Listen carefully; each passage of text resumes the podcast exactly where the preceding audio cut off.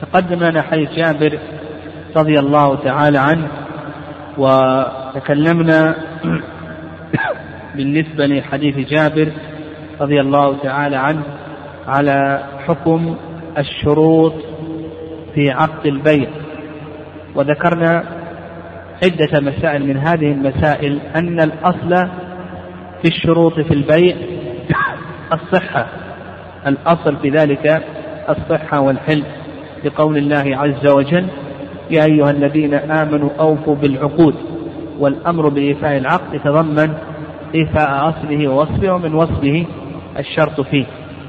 وكذلك أيضا حديث عقبة رضي الله تعالى عنه أن النبي صلى الله عليه وسلم قال إن أحق الشروط أن توفوا به ما استحللتم به الفروج وذكرنا أن الفرق بين شرط البيع والشرط في البيع الشرط العقد والشرط في العقد إلى آخره. وذكرنا أيضا أقسام الشروط في العقود وأنها تنقسم إلى أربعة أقسام. القسم الأول شرط يقتضيه العقد والقسم الثاني شرط مصلحة والقسم الثالث شرط صفة والقسم الرابع شرط منفعة. يعني شرط المنفعة ودار عليه خلاف أهل العلم رحمهم الله. يعني شرط الشرط القسم الأول شرط يقتضيه العقد. هذا صحيح باتفاق الأئمة. والقسم الثاني شرط الصفة أيضا صحيح باتفاق الأئمة. والقسم الثالث شرط المصلحة هذا أيضا صحيح باتفاق الأئمة. وأما بالنسبة لشرط المنفعة فهذا الشافعي يضيقون فيه يقولون لا يصح ولا شرط واحد. والرأي الثاني المشهور من المذهب أنه يصح شرط واحد منفعة البائع أو منفعة المبيع. يعني منفعة البائع أن تقول اشتريت منك السيارة بشرط أن تغسلها اشتريت منك الثوب بشرط أن تقيطه. منفعة المبيع اشتريت منك السيارة بشرط أن استعملها لمدة يوم أو يومين إلى آخره. والرأي الثالث رأي ابن القيم رحمه الله تعالى وأنه يصح اشتراط أكثر من شرط. يعني سواء اشترط شرطين ثلاثة منفعة البائع منفعة المبيع إلى آخره. هذا كله جائز. وأيضا يجوز حتى ولو كانت المنفعة في غير البائع والمبيع. حتى ولو كانت المنفعة في غير البائع والمبيع فإن هذا جائز ولا بأس به. مثلا لو قال بعت عليك السيارة بشرط أن استعمل سيارتك لمدة يوم أو يومين إلى آخره يقول بأن هذا جائز ولا بأس به إن شاء الله. قال المؤلف رحمه الله طيب. و قال لك عن جابر بن عبد الله رضي الله عنهما أنه كان يسير على جمل فأعيا تقدم معنى أعيا يعني تعب.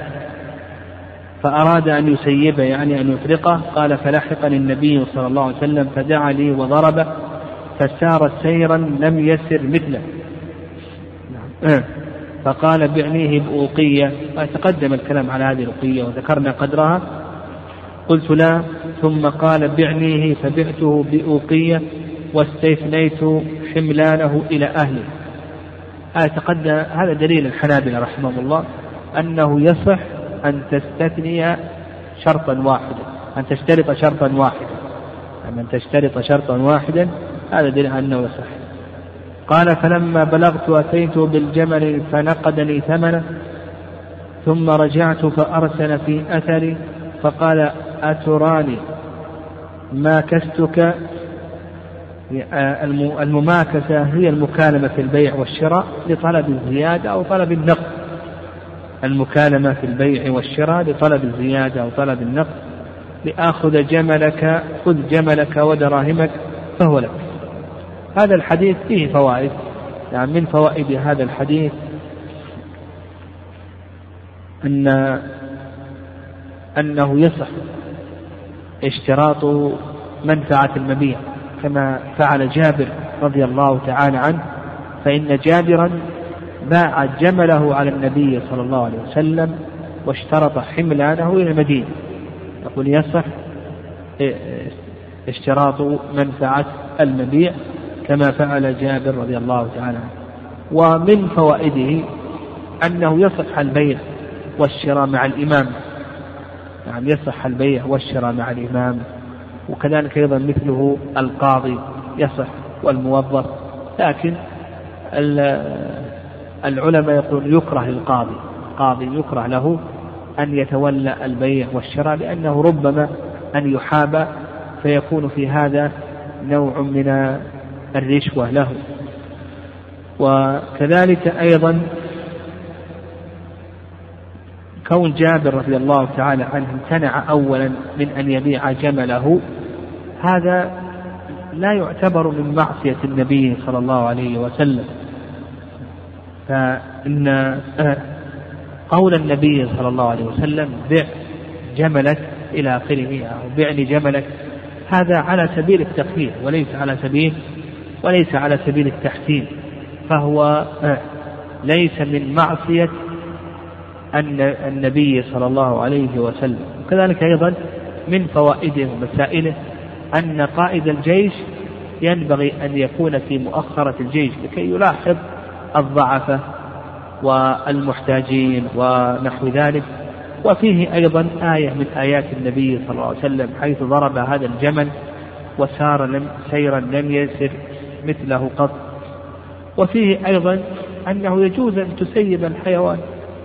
يعني, يعني إذا كان عندك حيوان وأنت لا تستطيع أن تقوم بنفقته فيجوز لك أن تسيبه وأن تخرجه حتى ولو سيبته في الصحراء فإن هذا جائز ولا بأس به لأن جابرا رضي الله تعالى عنه أراد أن يسيب جمل أن يتركه في آه، الصحراء. وفي هذا أيضا رحمة النبي صلى الله عليه وسلم بأمته يعني رحمة النبي صلى الله عليه وسلم بأمته نعم ثم قال المؤلف رحمه الله تعالى فيما نقله عن أبي هريرة رضي الله عنه قال نهى صلى الله عليه وسلم أن يبيع حاضر لباد ولا تناجشوا ولا يبع الرجل على بيع أخيه ولا يخطب على خطبته على خطبة أخيه.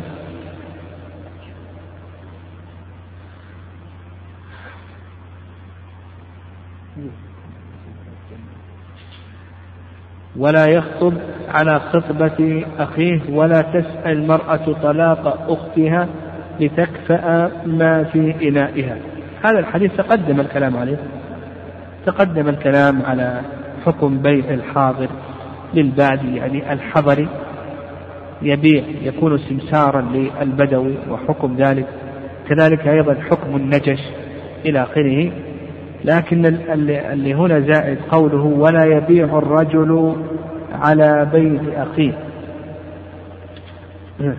نعم أيضا تقدم لنا بيع الرجل على بيع أخيه وذكرنا أن بيع الرجل على بيع أخيه إما أن يكون في الكمية وإما أن يكون في الكيفية وأن المحرم في بيع الرجل على بيع أخيه إذا كان في زمن الخيارين.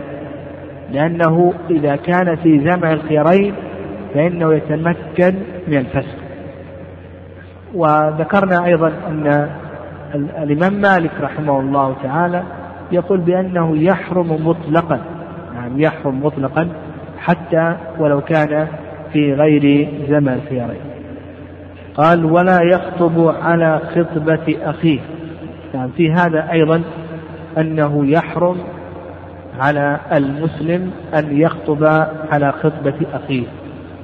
والإنسان إذا خطب نعم الإنسان إذا خطب فإنه لا يخلو من أحوال يعني إذا خطب الإنسان فإنه لا يخلو من أحوال. الحال الأولى الحال الأولى أن يرد أن يخطب ويرد. فإذا خطب ورد فإنه يجوز لك أن تخطب على خطبته لأنه الآن أصبح لا حق له حينئذ. يعني إذا خطب ورد فلك أن تخطب على خطبته لأنه الآن أصبح لا حق له. القسم الثاني يعني القسم الثاني أن يجهل الأمر. يعني القسم الثاني أن يجهل الأمر. يعني هذا الرجل خطب. هذا الرجل خطب. وجهلنا الأمر لا ندري هل يعطى أو لا يعطى؟ فهل يجوز لك أن تخطب على خطبته تخطب على خطبته؟ أو نقول بأن هذا غير جائز؟ المشهور من مذهب الإمام أحمد رحمه الله أن هذا جائز ولا بأس به لأن فاطمة بنت قيس رضي الله تعالى عنها خطبها ثلاثة. يعني فاطمة بنت قيس رضي الله تعالى عنها خطبها ثلاثة فأشار إليها النبي صلى الله عليه وسلم أن تنكح أسامة. والصواب في ذلك أنه لا يجوز يعني لأنه ربما أن أولياء المرأة ركنوا إلى هذا الرجل وأرادوا أن يعطوه. فكونك تذهب وتخطب على خطبته هذا فيه اعتداء على حق. فالصواب في ذلك أنه لا يجوز. وأما قصة فاطمة بن قيس رضي الله تعالى عنها فخطبها هؤلاء الثلاثة لأن كل واحد منهم لا يعلم بخطبة الآخر. فالصواب في ذلك أنه لا يجوز إذا جهل الأمر لا, لا ندري. ما دام أنه خطب أصبح الآن له حق القسم الثالث القسم الثالث أن يعطى أن يخطب ويعطى فهذا لا يجوز لك أن تخطب على خطبته. القسم الرابع أن تستأذن أن يخطب ثم بعد ذلك تستأذن الخاطب الأول فيأذن لك. فنقول هذا جائز. تخطب على خطبته بشرط ألا يكون قد أذن لك حياء. إن كان أذن لك حياء فإن هذا لا يجوز.